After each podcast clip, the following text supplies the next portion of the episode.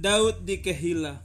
Daud diberitahu demikian, ketahuilah orang Palestina sedang memerangi kota Kehila dan menjarah tempat-tempat pengirikan.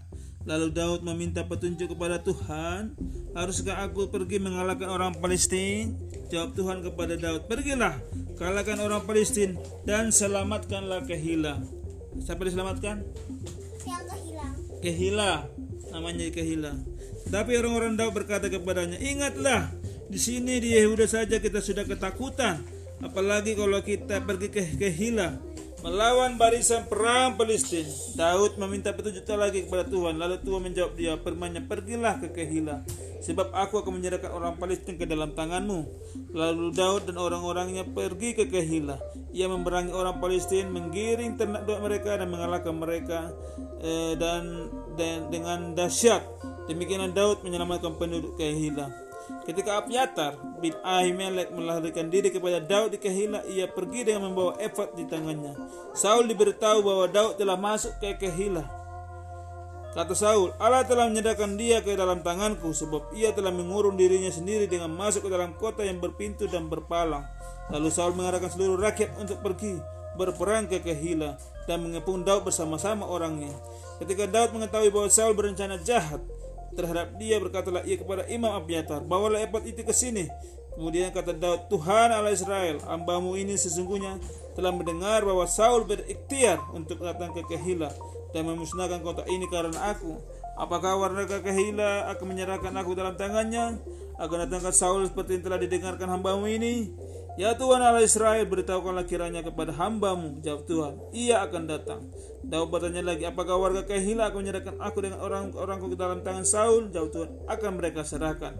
Lalu bersilah Daud dan orang-orangnya kira-kira 600 jumlahnya keluar meninggalkan Kehila dan berjalan ke mana saja mereka dapat pergi. Ketika Saul beritahu bahwa Daud telah meluluskan diri dari Kehila, ia tidak jadi maju berperang. Ia tidak jadi maju berperang. Daud di padang gurun Jim Daud ditinggal di kubu-kubu di padang gurun di pegunungan padang gurun Jib ia tinggal selama waktu itu. Saul memburu dia tetapi Allah menyerahkan dia ke dalam tangannya. Daud mengetahui bahwa Saul telah keluar untuk mengincar nyawanya. Ketika Daud berada di padang gurun Jim di juru padang gurun Jib di padang gurunnya di Koresi Yonatan anak Saul pergi menemui Daud di Koresa. Di Koresa. Ia menemukan Daud untuk mengandalkan Allah dia berkata kepadanya, Janganlah takut sebab tangan ayahku Saul tidak akan menangkap engkau. Engkau akan menjadi raja atas Israel dan aku akan menjadi orang kedua di bawahmu. Bahkan ayahku Saul telah mengetahui hal itu. Kemudian mereka berdua mengikat perjanjian di depan Tuhan. Daud tetap tinggal di Koresa dan Yonatan pulang ke rumahnya.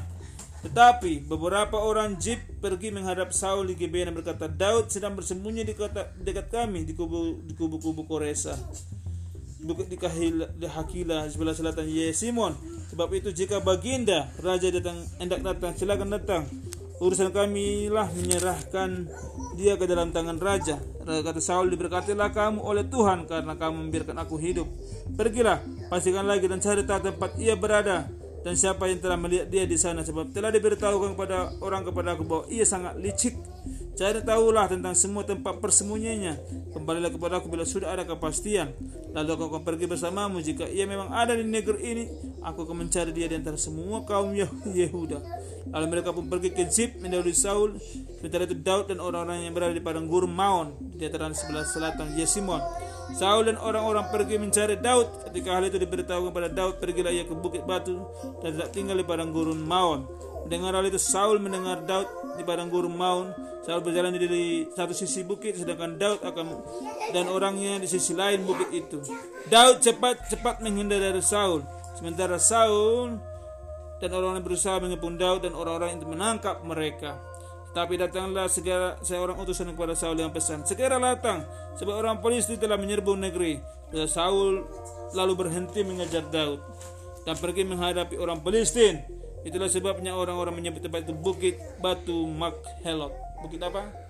Bukit Makhelot. Bukit Batu Makhelot. Amin.